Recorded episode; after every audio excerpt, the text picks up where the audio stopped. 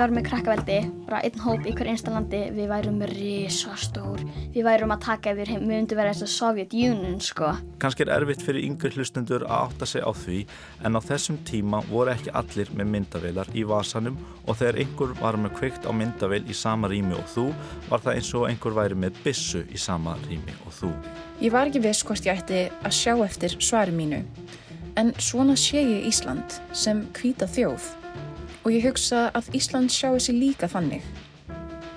Mögulega er vandin sá að okkur skortir nákvæma skilgreiningu á því hvað er að vera hvítur. Í lastin í dag, krakkaveldi tekur yfir greipvæn, íslensk menning er hvít og grín sem er svo nýtt að þú skilur það ekki. Ég heiti Lóabjörg Björnsdóttir. Ég heiti Kristján Guðjónsson.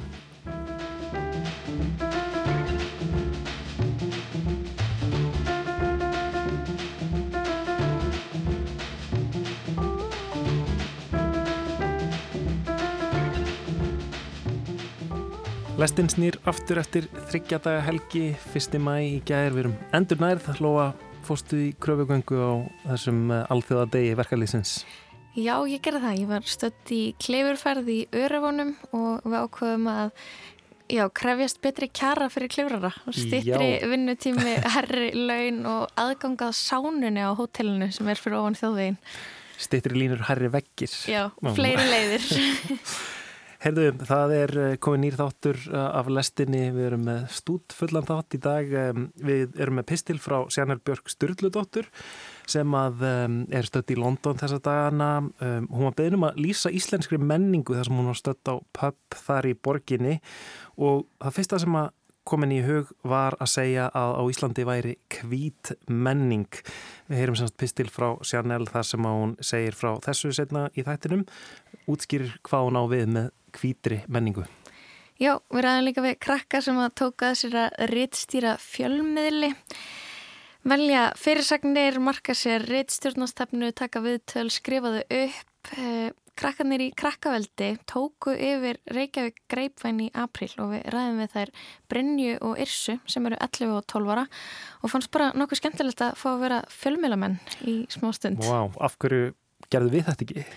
Ég skil eiginlega ekki okkur að við erum ekki lungu búin að gera þetta í lastinu að lefa bara krökkum að taka yfir. Já, en við ætlum að byrja á písli frá Pálma Frey Haugsinni Hann byrjaði þarna fyrir tveimu vikum að fjalla um sjónvarp í lestinni, hann fjalla semst um sjónvarp svona frá ímsum hliðum uh, og að þessu sinni þá er hann að velta fyrir sér hlutum sem eru svo nýstárleir að þeir virðast bara óskiljanleir, uh, við skiljum þá ekki og hann er sérstaklega að velta fyrir sér grínþáttum meðal annars fósbræður The Office, Ali G Show og The Rehearsal koma við sögum. Við sendum boltan á Pálma Frey.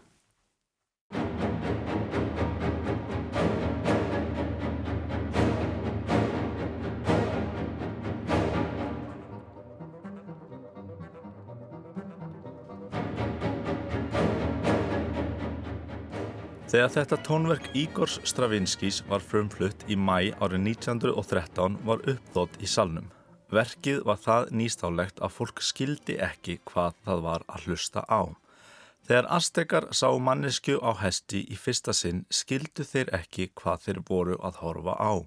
Spánverjar reyðist inn í Söður Ameríku á hestum og Aztekar höfðu aldrei séð hesta. Þeir náðu ekki utanum hvar maðurinn byrjaði og hvar hesturinn endaði. Sumir heldu að þetta væri eitt stort dýr, aðrir að þeir voru að horfa guðlega veru, lögðust niður og byrjuðu að tilbyða hana. Þeir skildu ekki hvað þeir voru að horfa á.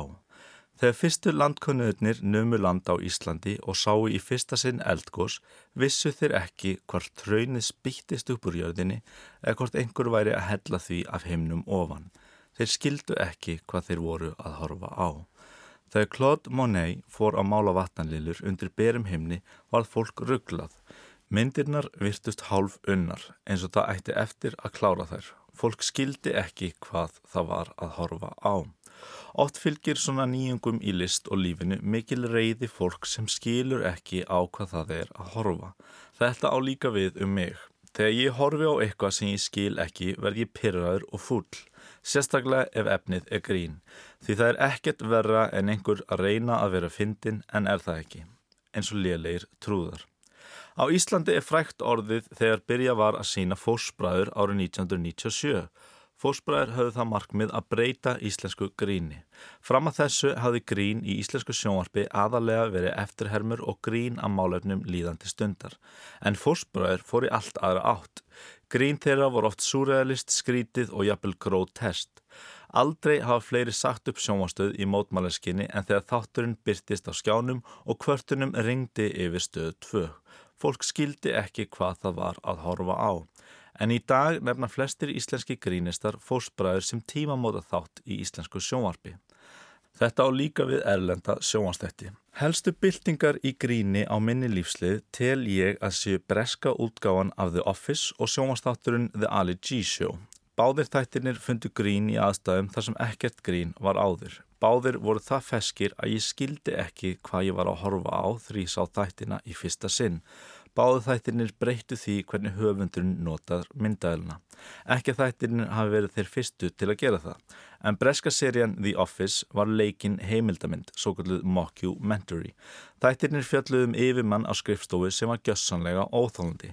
Leikarin Ricky Gervais leik aðhluturkið og þar sem þátturinn var leikin heimildamind var hlutverk myndaðilinar annað en í venjulegum gamaþætti. Höfundar þáttana gáttu leikið sem er það að Pesnuna Gervais, David Brent, er ótrúlega meðvitaður um það að hann sé fyrir framann myndaðil og þetta sé stóra tækifærið hans.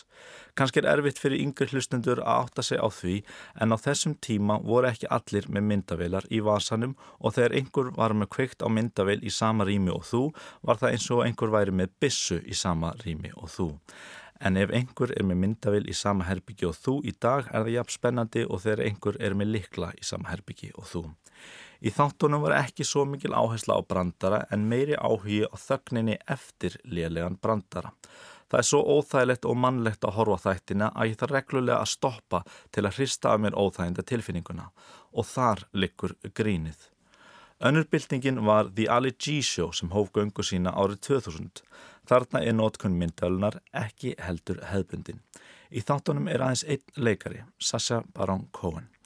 Þeir eru einhvers konar falin myndavel nema myndavelin er ekki falin. Cohen var í einu besta trúðarnámi sem til er í heiminum. Í þáttunum ferðast hann með þrjá trúða sem til er að ákveðnum jæðarhópum og rannsaka viðbröð fólks við þeim. Bruno, Ali G og Borat. Bruno er aukafullur samkynnaður austurísku frettamæður með áhuga á tísku. Borat er erlendu blagamæður frá Kazakstan og Ali G er ungur sjónasmæður sem er hálfviti. Grínið fólst í viðbröðum við þessum leiknu personum sem fólk vissi ekki að væru leiknar. Í byrjun skildi maður ekki hvað maður var að horfa á, eins og astegarnir þegar þeir sá hestin.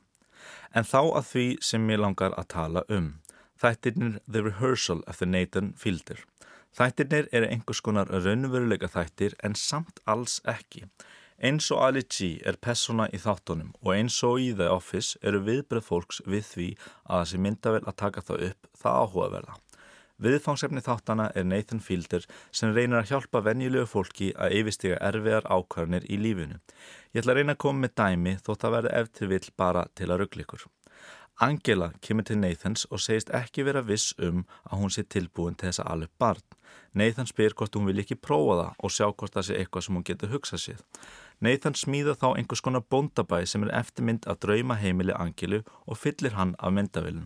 Hann ræði síðan til sín fullt af unga börnum til þess að leika gerfi barn Angelu. En þar sem laugin í bandarækjunum banna þeim að láta börn vinna lengur en í fjóra tíma verður Nathan og teimið hans að skipta út barni á fjóra tíma fresti. Og þar sem börn með ekki vinna á næturnar er barni skipt út fyrir vélmennabarn á nóttinni sem vaknar jafn oft og nýfætt barn. Angela og Nathan leita svo saman af manni sem gæti verið í hlutverki gerfimanns Angelu til að fullkomna rannsóknuna. Því eins og allir vita þurfa gerfi börn, gerfi pappa. Gerfi pappin sem þau finna er maður með þráhauki fyrir tölum og heitir Robin. Robin flytur inn í húsið en fyrstu nóttina verður hann svo þreyttur á því að vélmennabarnið er sífælt að vakna og hættir við að taka þátt sem gerfi pappi gerfi barsins. Nathan fyrir svo að láta ástíðina breytast fyrir utan húsið, barni fyrir að eldast og speklarnir í húsinu gera speilmynd fólks eldri. Ég ætla að stoppa hér því þetta verður bara skrítnara og skrítnara. Í hefðbundnum grínþætti er persóna sett í fáranlegar aðstæður og við sjáum hana fástu við þær. En í The Rehearsal sjáum við venjulegt fólk sett í fáranlegar aðstæður. Brandarinn er eiginlega ekki fólkið heldur að svo mikil vinna sér lögð í fáranlegu aðstæðunar. Þættirnir er einhvers konar rannsókn á kvíða því að þið eru eins og ég þá eigið til að spila aðstæður í höfðuna okkur. Hvað á endurskóðandi minn eftir að segja við mig? Hvernig verður samtali við yfirmann minn á eftir? Ef þið eru kvíðin spilir þið oft vestu mögulegu útgána af samtalenu. Þetta er heilin ykkar að reyna að búa ykkur undir það vesta sem mögulega geti gest. Þættirnir rannsaka þetta. Í staðan fyrir að spila erfitt augnablík eða aðstæður í höfðinu þá býr Nathan til eins raunverulega eftirmynd af aðstæðanum og mögulegt er til að búa þáttingutur undir það sem koma skal. Raunveruleikin er samt sá að sama hversu oft maður spilar aðstæðunar í höfðun á sér eða á sviðinu sem Nathan býr til þá viðist maður bara byggja upp meiri og meiri kvíða fyrir því sem koma skal. Nathan Fielder sem er höfundi þáttanar og þáttarstjórnir gerði aðra serju á öndan þessari sem hér Nathan for You. Þar fór Nathan í fyrirtæki sem gengur illa og setti fram skjálfilega tilugur að því hvernig fyrirtæki gæti bætt sig. Eins og oft með nýtt og undalitt grín þá þóldi ég ekki þættina í byrjun því ég skildi ekki það sem ég sá. En núna finnst mér þetta eitt besta grínefni sem ég séð undarfærin áratug. En Nathan sjálfur er ekki persóna eins og Borat Hann er bara hann sjálfur en hefur ykt personleika sinn. Nathan hefur sagt að hann sé í grunninn vandrarlegur maður og þegar hann er í fullri einlagni að reyna að vera skemmtilegur og viðkunnulegur í þættinum kemur það alltaf fáranlega út. Í upphæfi félsins tók hann eftir því að fólk hlóstundum þegar myndavillin var á honum. Hluti sem áttu ekki að vera fyndnir urðu brandarar. Hann varð brandarinn. Á einhverjum undanlegum, mannlegum augnablikum varð hann bara óvart fyndin. Þannig að hann hefur reynd að fara í þá átt á ferli sínum. Í stað þess að eldast við að skrifa brandara eldir hann mannleg augnablík. Hann er meðvitaður að hann sé með undarlegan og sorgmættan svip sem sínir ekki miklar tilfinningar. Það sem munurinn á Nathan í þættinum og hinnum venjulega Nathan er svo lítill verða söm atvik í þættinum hans svo förðuleg að maður veit ekki hvað skal halda. Maður skilur ekki hvað maður er að horfa á. Ég ætla að taka dæmi úr fyrri þáttum Nathans, Nathan for You, þegar Nathan er með leikonu í pröfu fyrir leikrit sem hann er að setja upp. Look into my eyes and say I love you. I love you. Again. I love you. Again. I love you. Þetta stutta brot er á allan hátt óbærilegt. Þarna er Nathan að æfa fyrir leikrit sem verður sett upp á bar. Sem leikstjóri verksins fer hann inn í senuna til að láta hann að virka betur en það er eins og hann festist í augnableiki þar sem leikonan segist elska hann og hann byður hana um að endur það aftur og aftur á meðan mótleikarinn horfir á þau vandrarlegur út í hodni. Á þessum tíma er atriðið orðið svo ótrúlega skrítið og óþægilegt að upp úr mér springur einhver hlátur til þess að losa mig við allar óþægilegu tilfinningarnar í líkama mínum. En eftir stendur einhver tilfinning. Ég veit að Nathan er leika og ég veit að hann er að gera sér upp þessa hegðun en að horfa á mannesku byggja aðra mannesku um að endur tökka og hún elski hana, jafnveld hún sé að vinna við það, það skapar einhverju tilfinningu sem ég skil varla. Það er svo undarlegt. Þetta er svo mikið gerfi augnablík að það verður mannlegt. Og þessi mannleiki sem Nathan varpa ljósi sínu á er svo berskjandandi. Félagsfræðingurinn Erving Goffman held í fram að við manneskjur erum sífælt að leika hlutverk og hverri aðstæðu fylgir handrit. Að þegar þú talar við móðu þína ert í ákveðni hlutverki og þegar þú talar við pípara þinn ert þú í öðru. Þú ert alltaf að skipta um hlutverk og að leika. Við erum stanslust að leika personur sem við höldum að aðrir sjá í okkur og hverju samtali fylgir eiginlegt handrit sem við kannust öll við en sjáum aldrei. Hins vegar eru einu stundirna sem við sjáum handritið þegar einhver fer út fyrir hið eiginlega handrit lífsins. Í verkum Neithans sjáum við alvöru manneskjur hitta Neithan og viðbröð þeirra þegar hann leggur til einhverja fáránlega löst við vandamálið þeirra. Hugmyndir og hegðun Nathans er svo undarleg að við sjáum að hann fer út fyrir goffmanníska handrit samtalsins. Hann setur sjálfan sig og viðmældur í svo undarlegar aðstæður að áhörundin spennist upp við að fylgjast með því sem manniska gerir í þessum aðstæðum. Nathan berskjaldar fólk á þennan hátt að það vil auðvita ekki líta asnalega út í sjónvarpinu eins og David Brent í The Office vil líta vel út fyrir framann myndaðurna. Svo fylgist við með mannesku gera sitt besta til þess að vera manneskur í gjössalina fáralögum aðstæðum eins og alveg velmennan barn í gerfi húsi um gerfi vetur þegar það er gerfi snjór úti og gerfir maðurinn þinn er að koma heim úr gerfi vinninu síni. Því jafnvel í ómannlegustu aðstæðum sést alltaf glitta í gullfallega mannleika Nathans og þáttakanda. Nathan fekk þessa hugmynd eftir að hafa rannsakað bankarhunni 2008 þegar hann las bækur og greinar um það áttaðan sig á því að þessum miklu afleðingar stöfuðu oft í grunninn af litlum mannlegum samskiptum. Fólk vissi að ákvarðinni sem stór fyrirtæki eða bankar tóku voru rángar en þorði ekki að segja neitt á fundum vegna félagslega aðstæða sinna. Það þorði ekki að fara út fyrir goffmanníska handritið og rugga bátnum í samskiptum. Þessar litlu ákvarðinir breyttu svo sögu heimsins og það er rannsóknarefni Nathans, þessi litlu samskipti og hvernig við reynum að láta þau virka til þess að komast hjá því að líða óþægilega. Við sjáum þá að kannski voru það lítil ör samskipti sem hefði áhrif á allan heiminn, að hugsanlega er rannsókn okkar á hverstaslegum undarlegum samskiptum jafn mikilvæg og rannsóknir á ákvarðunum stórfyrirtækja. Þetta grín finnst mér stundum svo flókið að ég skil ekki ennþá hvað ég er að horfa á. Ígor Stravinski spilaði verkið sem ég leiði ykkur að heyra í byrjun pistilsins aftur ári setna.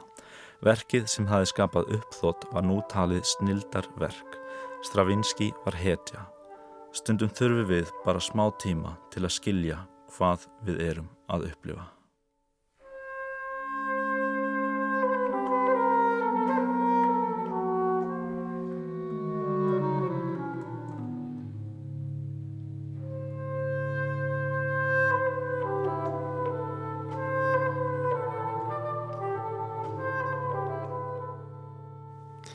Nokkru tónar frá Ígor Stravinski hérna í lokin tónverk sem að já, allir e, ringulreið þegar það var spilað þarna fyrst.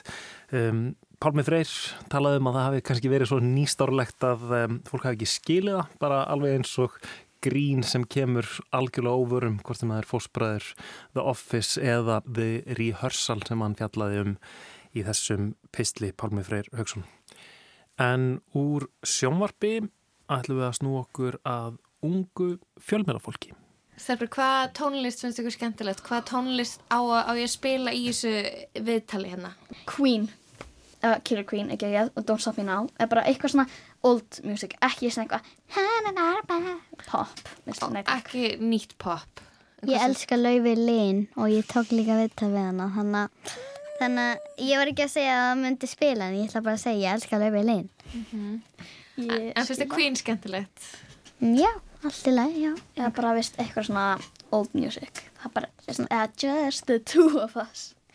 You can make it if you try Just the two of us Just the two of us Just the two of us Building castles in the sky Just the two Ég kann textan, sko. Þannig að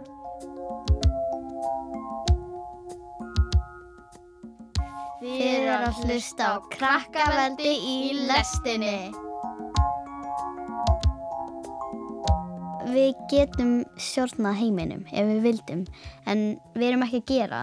Ef við varum með krakkaveldi, bara einn hóp í hver einsta við værum risastór. Við værum að taka yfir heim, við myndum vera eins og Soviet Union, sko. Bara ginormous. Just the two of us We can make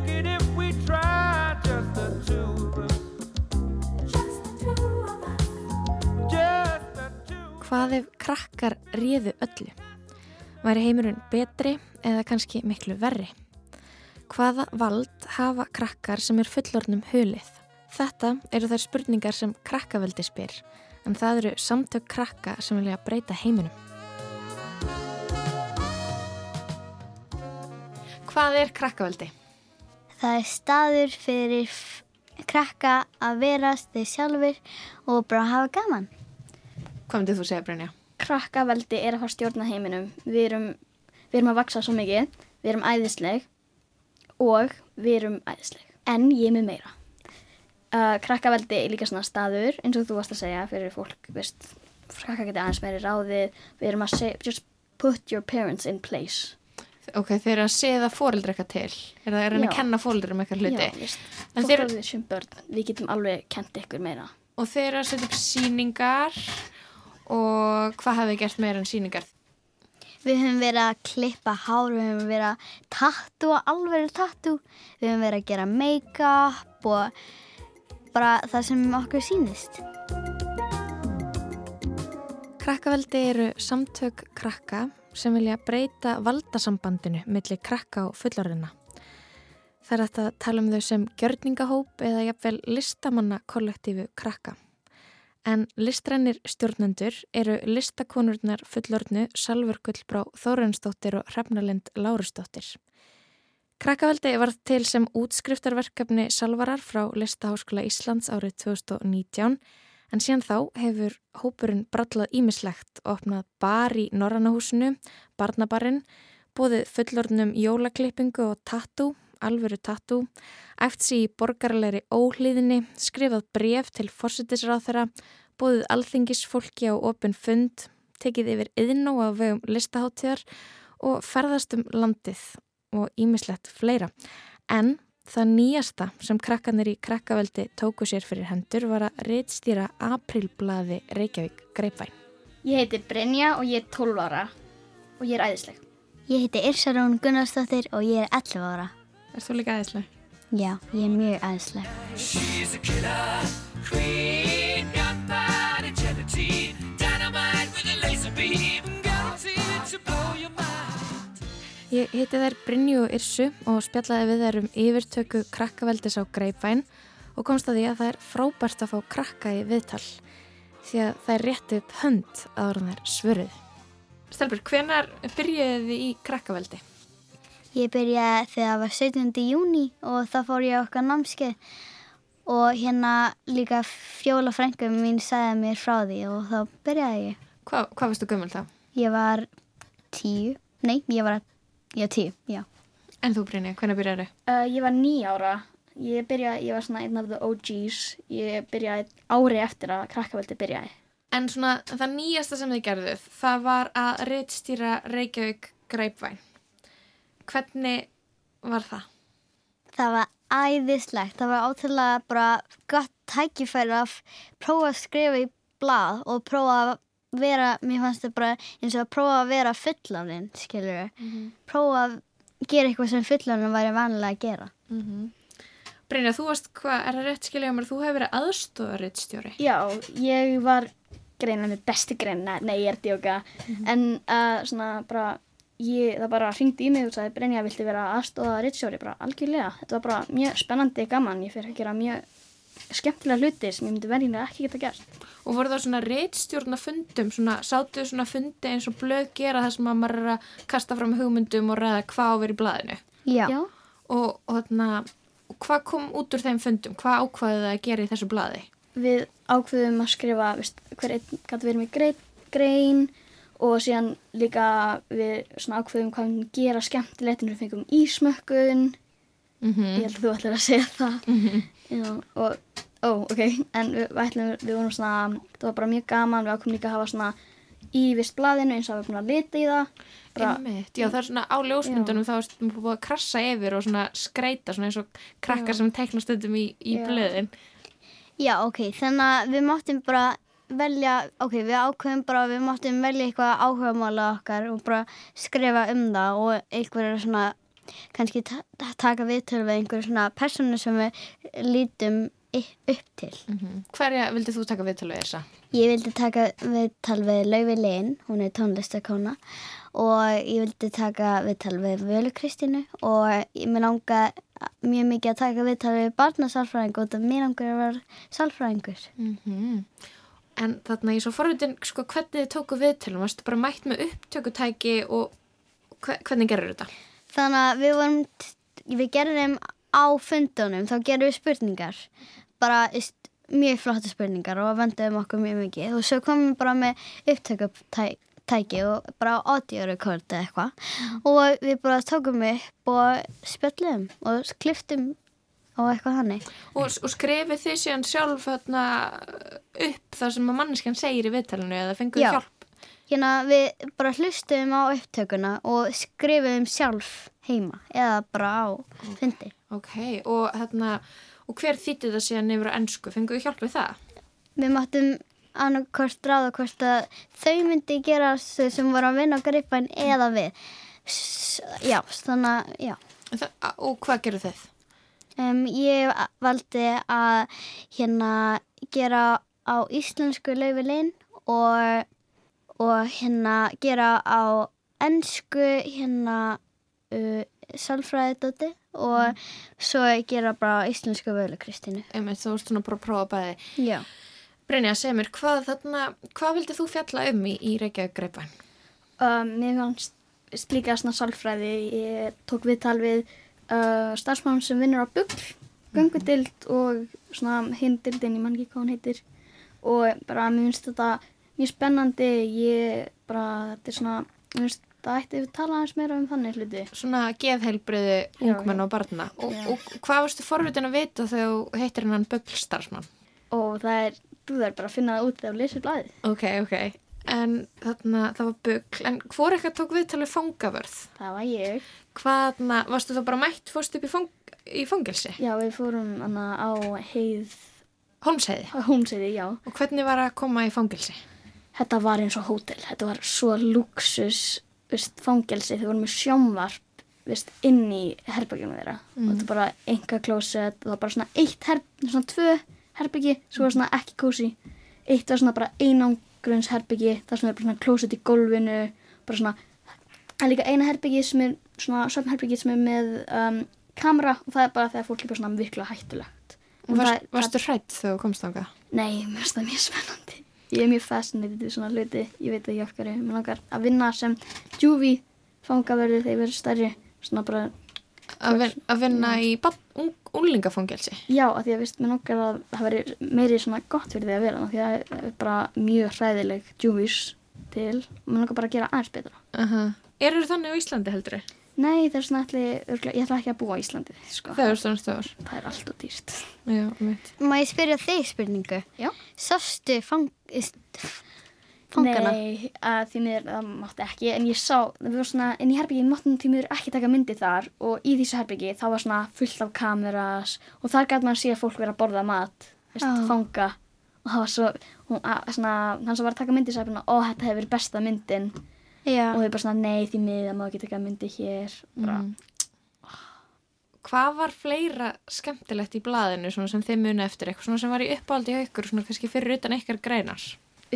ísmökkunin var æðisleg Hvernig Það kom, var- hún, hvernig kom hún til? það var ógeðslega, við vorum bara svona að tala um svona mat held ég svona um, culture og drasl og ekki drasl en svona og, Menningu alls já, konar. menningu og alls konar Mhm. og bara það kom eitthvað upp ís held ég og svo bara ákveðum að gera ísmökkun þá kom bara frá svona Gaeta, Ísbúðin og Vigdís Mhm. það, þau voru bæði geggjuð sum voru ekki það góð en sum voru geggjuð Mér fannst skemmtilegast að fara í myndatökun á maður. Ég var, ég var, mér fannst að vera geggjað, sko. Mhm. Af því að mér langaði líka eins og að vera svona mótel, þannig að ég var bara, Þú veist í oh stuði. Já. Svona fyrir þá sem hafa ekki séð blaðið þá verður þið klætt í jakkaföt og eruð inn á alþingi. Hvernig leiði ykkur svona í jakkafötum inn á alþingi? Hvernig er tilfinning á það? því miður var ég ekki aðna ég var í útlöndum Æ, þú mistur af. Okay. Hvað segir þú þess að? Mér leiði mjög mikið svona eins og maður segir á ennsku confident. Sjálfsörug. Sjálfsörug, já. Mhm. Mér, ég, mér bara leiði eins og við, við vorum svo einstök og mér fannst það bara vera ótrúlega flotta tækifæri líka. Mm Svo eins og það verður að fara að stjórna heiminum. Já. Smá. Já. Um, hver valdi fyrirsagninnar og svona fyrir ykkur í blaðið? Voru þið að ákveða það í samráði við greppæn? Þegar við gerðum skreinarnar þá voru við líka á, á, ákveðist titilin og eitthvað hannig þannig. að- Einmitt. Eh, Langar ykkur að vera blaðamenn í framtíðinni? Er þetta eitthvað svona sem þið segju fyrir ykkur að gera? mm, svona, ég myndi kannski geta skrifað nokkra greinir, ég myndi ekki gera til að vinna, en kannski svona, kemur bara ljós Nei, eins og ég sagði þá langar maður að vera sálfræðingur þannig að það er ekki eitthvað. Brynja, og talar um í, í leiðara blaðsins, sko, hvað er mikilvægt að krakkar fá að skrifa um það sem þau hafa áhuga á. Um, hvers vegna er það? Því að bara mér finnst að börn ætti að geta tjáð sig aðeins betra eins og það er oftast bara fuglurinnir sem eru að skrifa blöð eins og ef ég væri fuglurinn og ég myndi sjá að það er börn að skrifa greinar miklu mér áhuga. Bara, Finnst þið krakkar ekki fá nóg mikið pláss í samfélagsumræðinni? nei, veist uh, hvað oft hefur maður sé börn vera að gera veist, grein í blaði?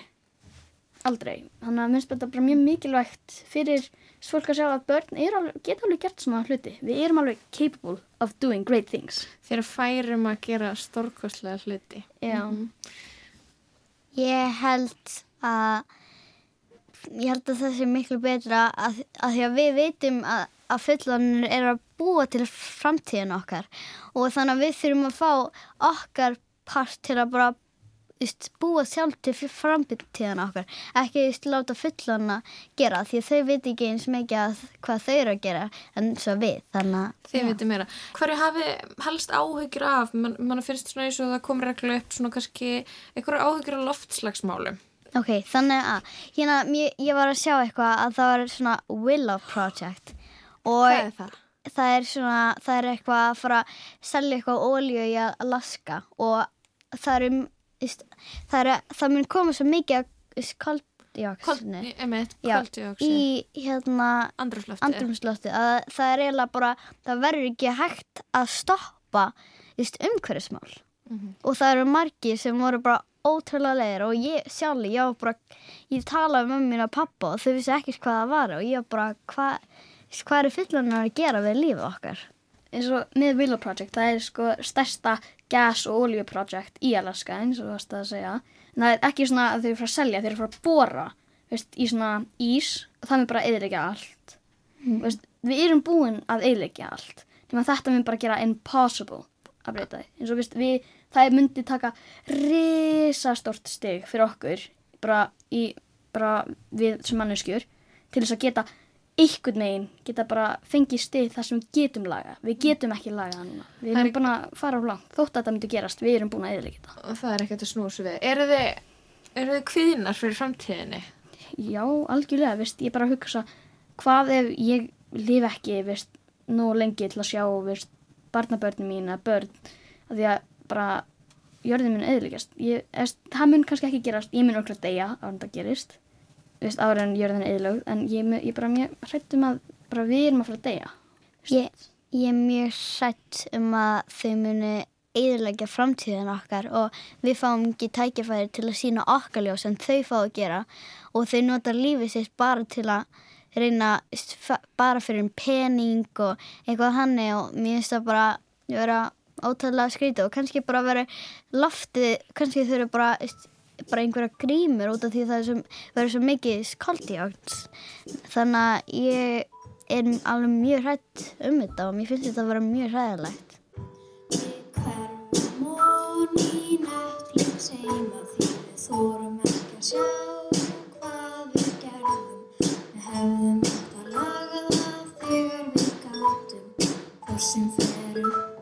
við feiluðum jörðinni. Fossinn fer upp, við feiluðum jörðinni. Er markmið krakkaveldis að krakkar fá að ráða öllu?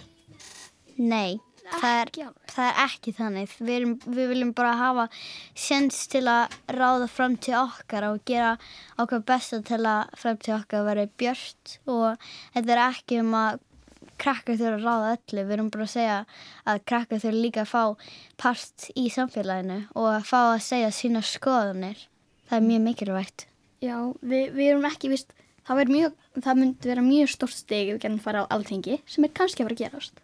Að börn fara á alþingi? Já, ef svona, við erum að krakkaveldi frá alþingi. Og svona, minnst líka við ættum að fá kannski svona sens að fá að kjósa, svona daldi. Því að þetta er líka okkar framtíð. Eins og, mér líður eins og ef, veist, við höfum verið í, um, í bandaríkjanum og það hefur verið að kjósa, veist, Donald Trump og þá ég held að veist, ef börn fengi kjósa þá er hann ekki un unnið eitthvað með því að veist, börn hafa líka veist, góðar skoðanir.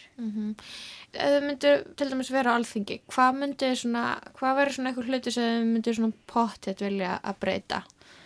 skóla sérst, skólasystem og, skólakerfinu. og bara líka sálfræði og bara hvernig maður líður á Íslandi. Ég myndi breyta, þú veist, að börn í skólum, það ætti að vera choice ef þið mætti fara út eða ekki, eins og stundum vil maður bara ekki fara út stundum, Í frímínútur, já, svona. og líka bara það ætti það er bara stundum hluti sem ætti ekki að vera Í skólanum. og veist, í Íslandi bara Mm Ég held að það, ég held að það sem ég myndi breyta er hérna, veist, ef að barn er alveg bara ótrúlega líða illa og þau eru neina að sp- spyrja um hjálp, bara ok, ég, langar mjög mikið að fara til sálfræðing, þetta er alveg ekki að virka, þá finnst mér að ég hlusta, eins og, veist, já, og það þarf kannski að vera aðeins meiri barnasálfræðingar og ég, já, það er bara, það, og líka umfekvarismál, ég myndi bara, nýst, gera einhver meiri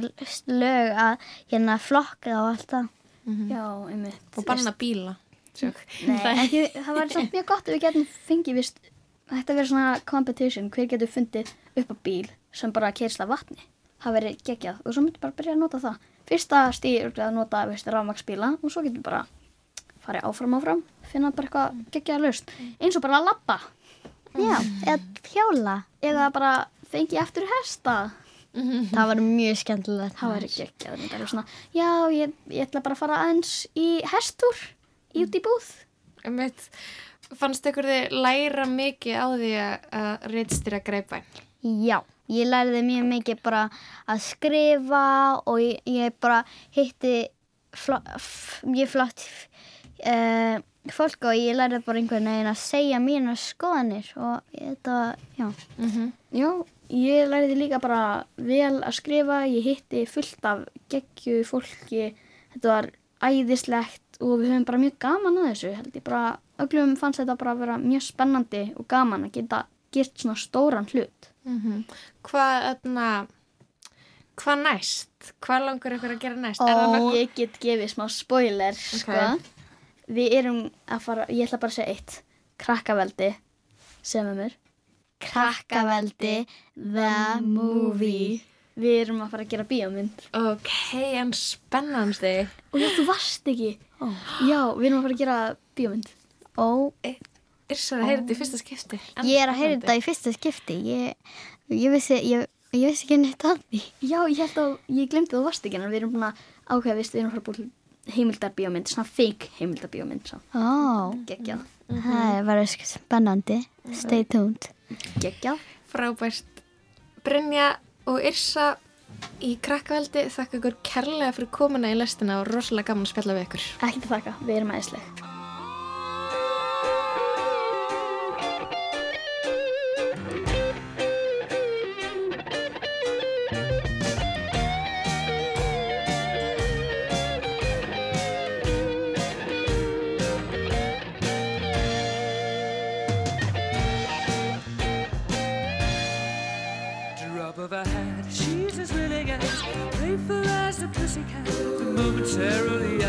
Action, temporarily.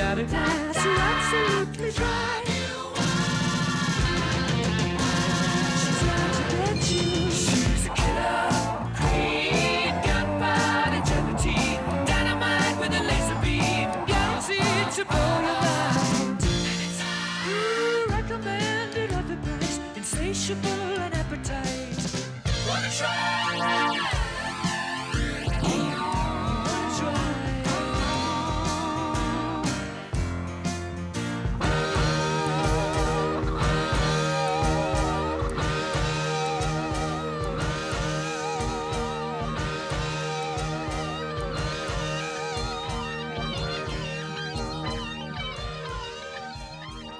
Killer Queen með hljómsveitinni Queen, þetta er óskalag frá þeim Brynju og Yrsu sem að kominga í lestina og sögðu okkur frá krakkaveldi og yfirtöku þeirra á apríl tölublaði Reykjavík Greipvæn.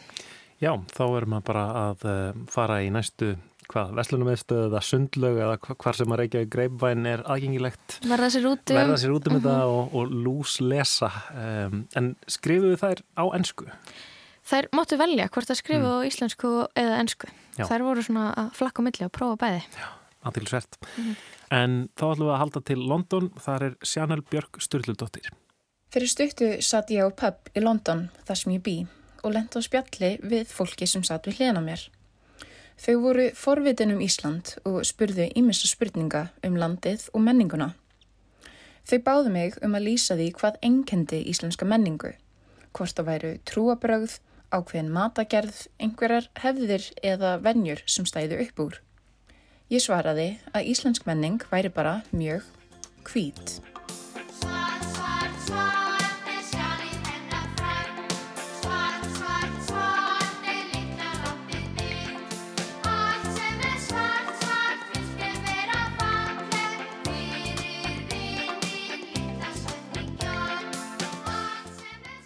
Þau virtust undrandi.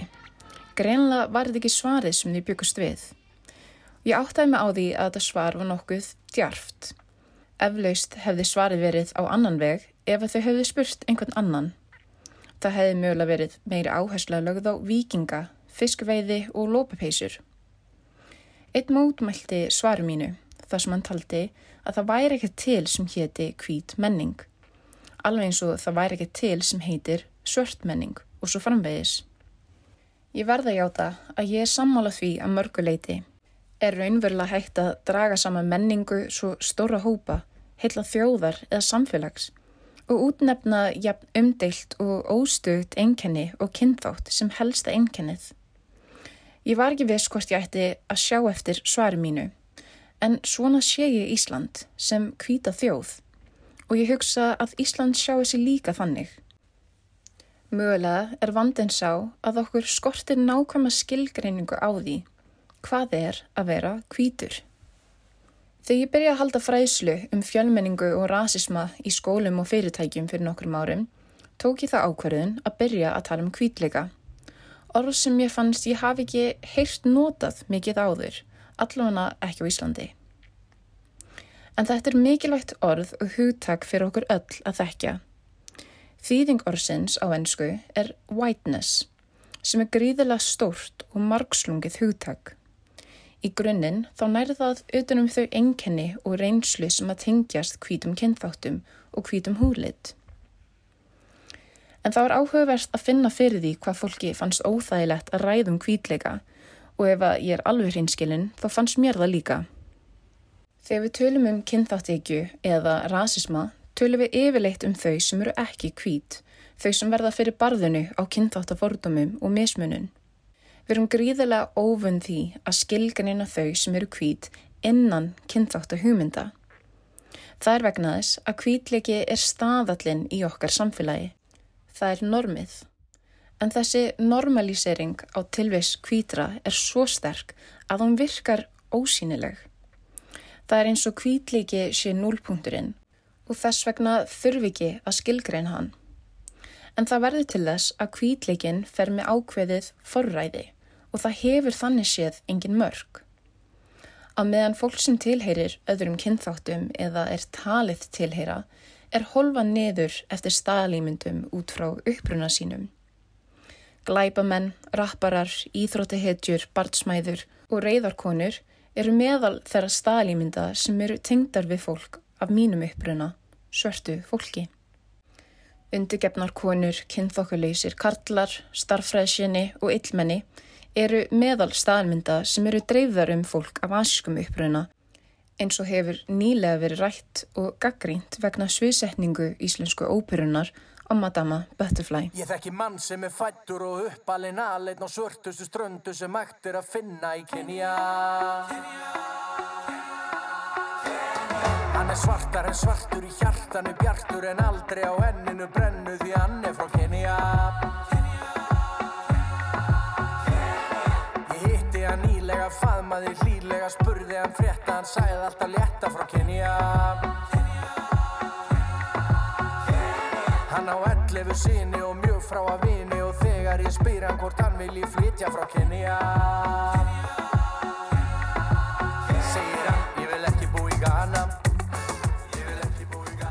En hvernig komumst við á þannan stað? Hvernig varð hvítleiki ósýnilegt tákn, skilgreint út frá því sem er ekki hvít? Kenningar um hvítleika komi fram á krafti eftir 1990 en hugmyndin kom fram miklu fyrr. Hugmyndir um hvítleika eru nátengdar nýlendustefnunni því til þess að réttlæta innrásir inn í önnurlönd og yfirtöku landsvæða þurftu hvítu evrópsku nýlenduherratnir að staðsitja sig sjálfa sem efst í gognaröðinni.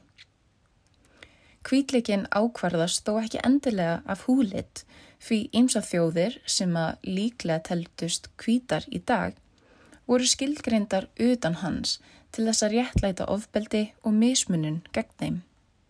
Til dæmis geðingar en einnig Írar sem urðu fyrir aðkasti bæði í Breitlandi og Bandaríkunum á 20. öld. Það byrtist meðal annars í skiltum á pöppum þar sem stóð enga svarta, enga Íra og enga hunda. Hvítleiki var ákveðin leið til að skilja á milli valdhafa og þeirra sem voru minnumáttar. Og hann er nátengdur hugmyndum um síðmenningu og yfirráð. Í íslensku samengi er áhugavert að skoða rannsóknir sem sína fram á að mikil tengsl er á milli kvítleika og þjóðarímynd landsins. Niðurstöður rannsókna Kristína Lofstóttur, mannfræðings, sína fram á að þrátt fyrir að landið hafi sjálft verið nýlenda, hefur þessi hugsunaháttur og hugmyndir um stigveldi kynþátta eða menningarhópa náð til Íslands. Í umræðu um sjálfstæði Íslands má til að mynda finna rauksemdir fyrir því að Ísland ætti skili sjálfstæði því Íslandingar væru síðmentu þjóð, ólíkt öðrum nýlendum Danmörkur líkt og Karabísku eigunum og Grænlandi. Þannig hafa hugmyndir um hvítleika breyst í gegnum tíðina, en meginreglan sem breytist aldrei er að hvítleiki er kennimerki þeirra sem fara með yfirráð í samfélögum.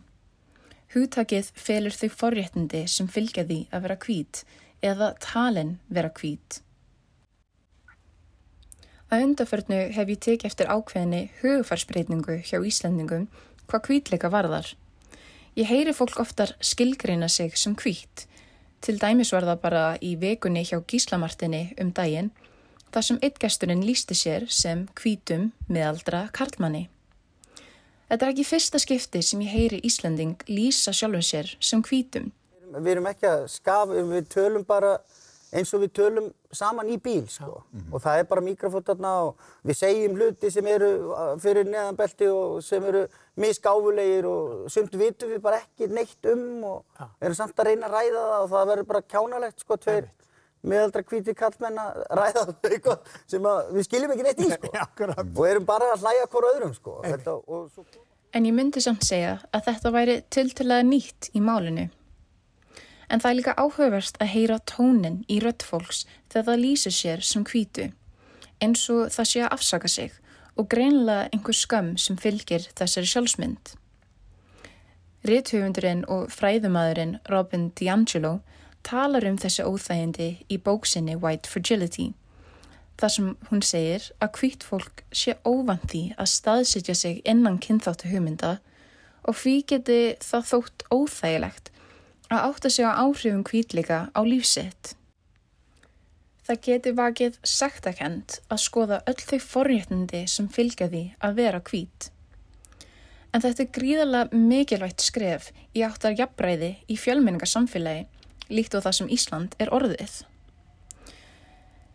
En ég er forvitin hvað veldur þessari hugafarsbreytingu og jafnvel hugljómun. Hvað veldur því að hvít fólk er loksins að átta sig á því að það er hvít? Fyrir okkur Íslandingana sem erum ekki hvít, þá vitum við það og höfum alltaf vitað það.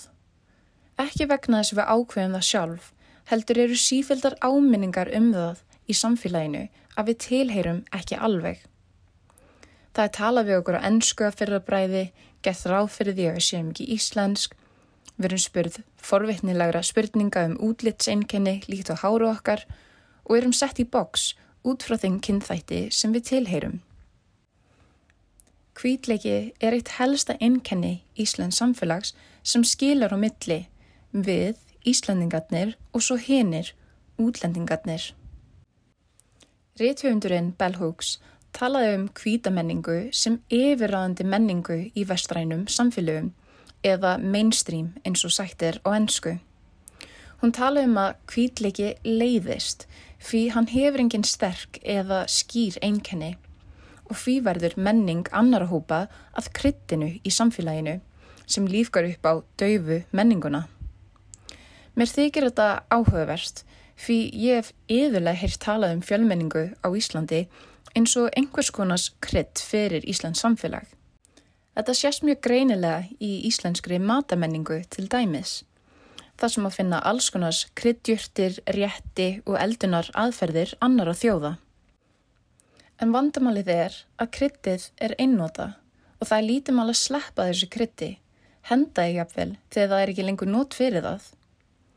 Ef við lítum ekki á fjölmenninguna og fólk af erlendum uppruna á Íslandi sem hluta af íslenskri menningu, þá verður lítið mál að losa sig við það og hvítleiki verður áfram miðpunkturinn og allt annað er þá pluss eða mínus í kringum það. Ég hugsa aftur um það sem að maðurinn á pöpnum sagði að það var ekki til sem heitir hvít menning. Er það mögulega vegna þess að hvítleiki hefur engin takmörk? Hann fær að vera allt í öllu. Ég veldi því fyrir mér af hverju það þykir óþægilegt að skilgreina hvítleika rétt eins og aðra kynþætti. Hvað myndi gerast ef við myndum setja hvítleika einhver takmörk? Er það mögulega nöysinlegt skref til að gera upp söguna og ójöfniðin sem að hvítleiki hefur skapað?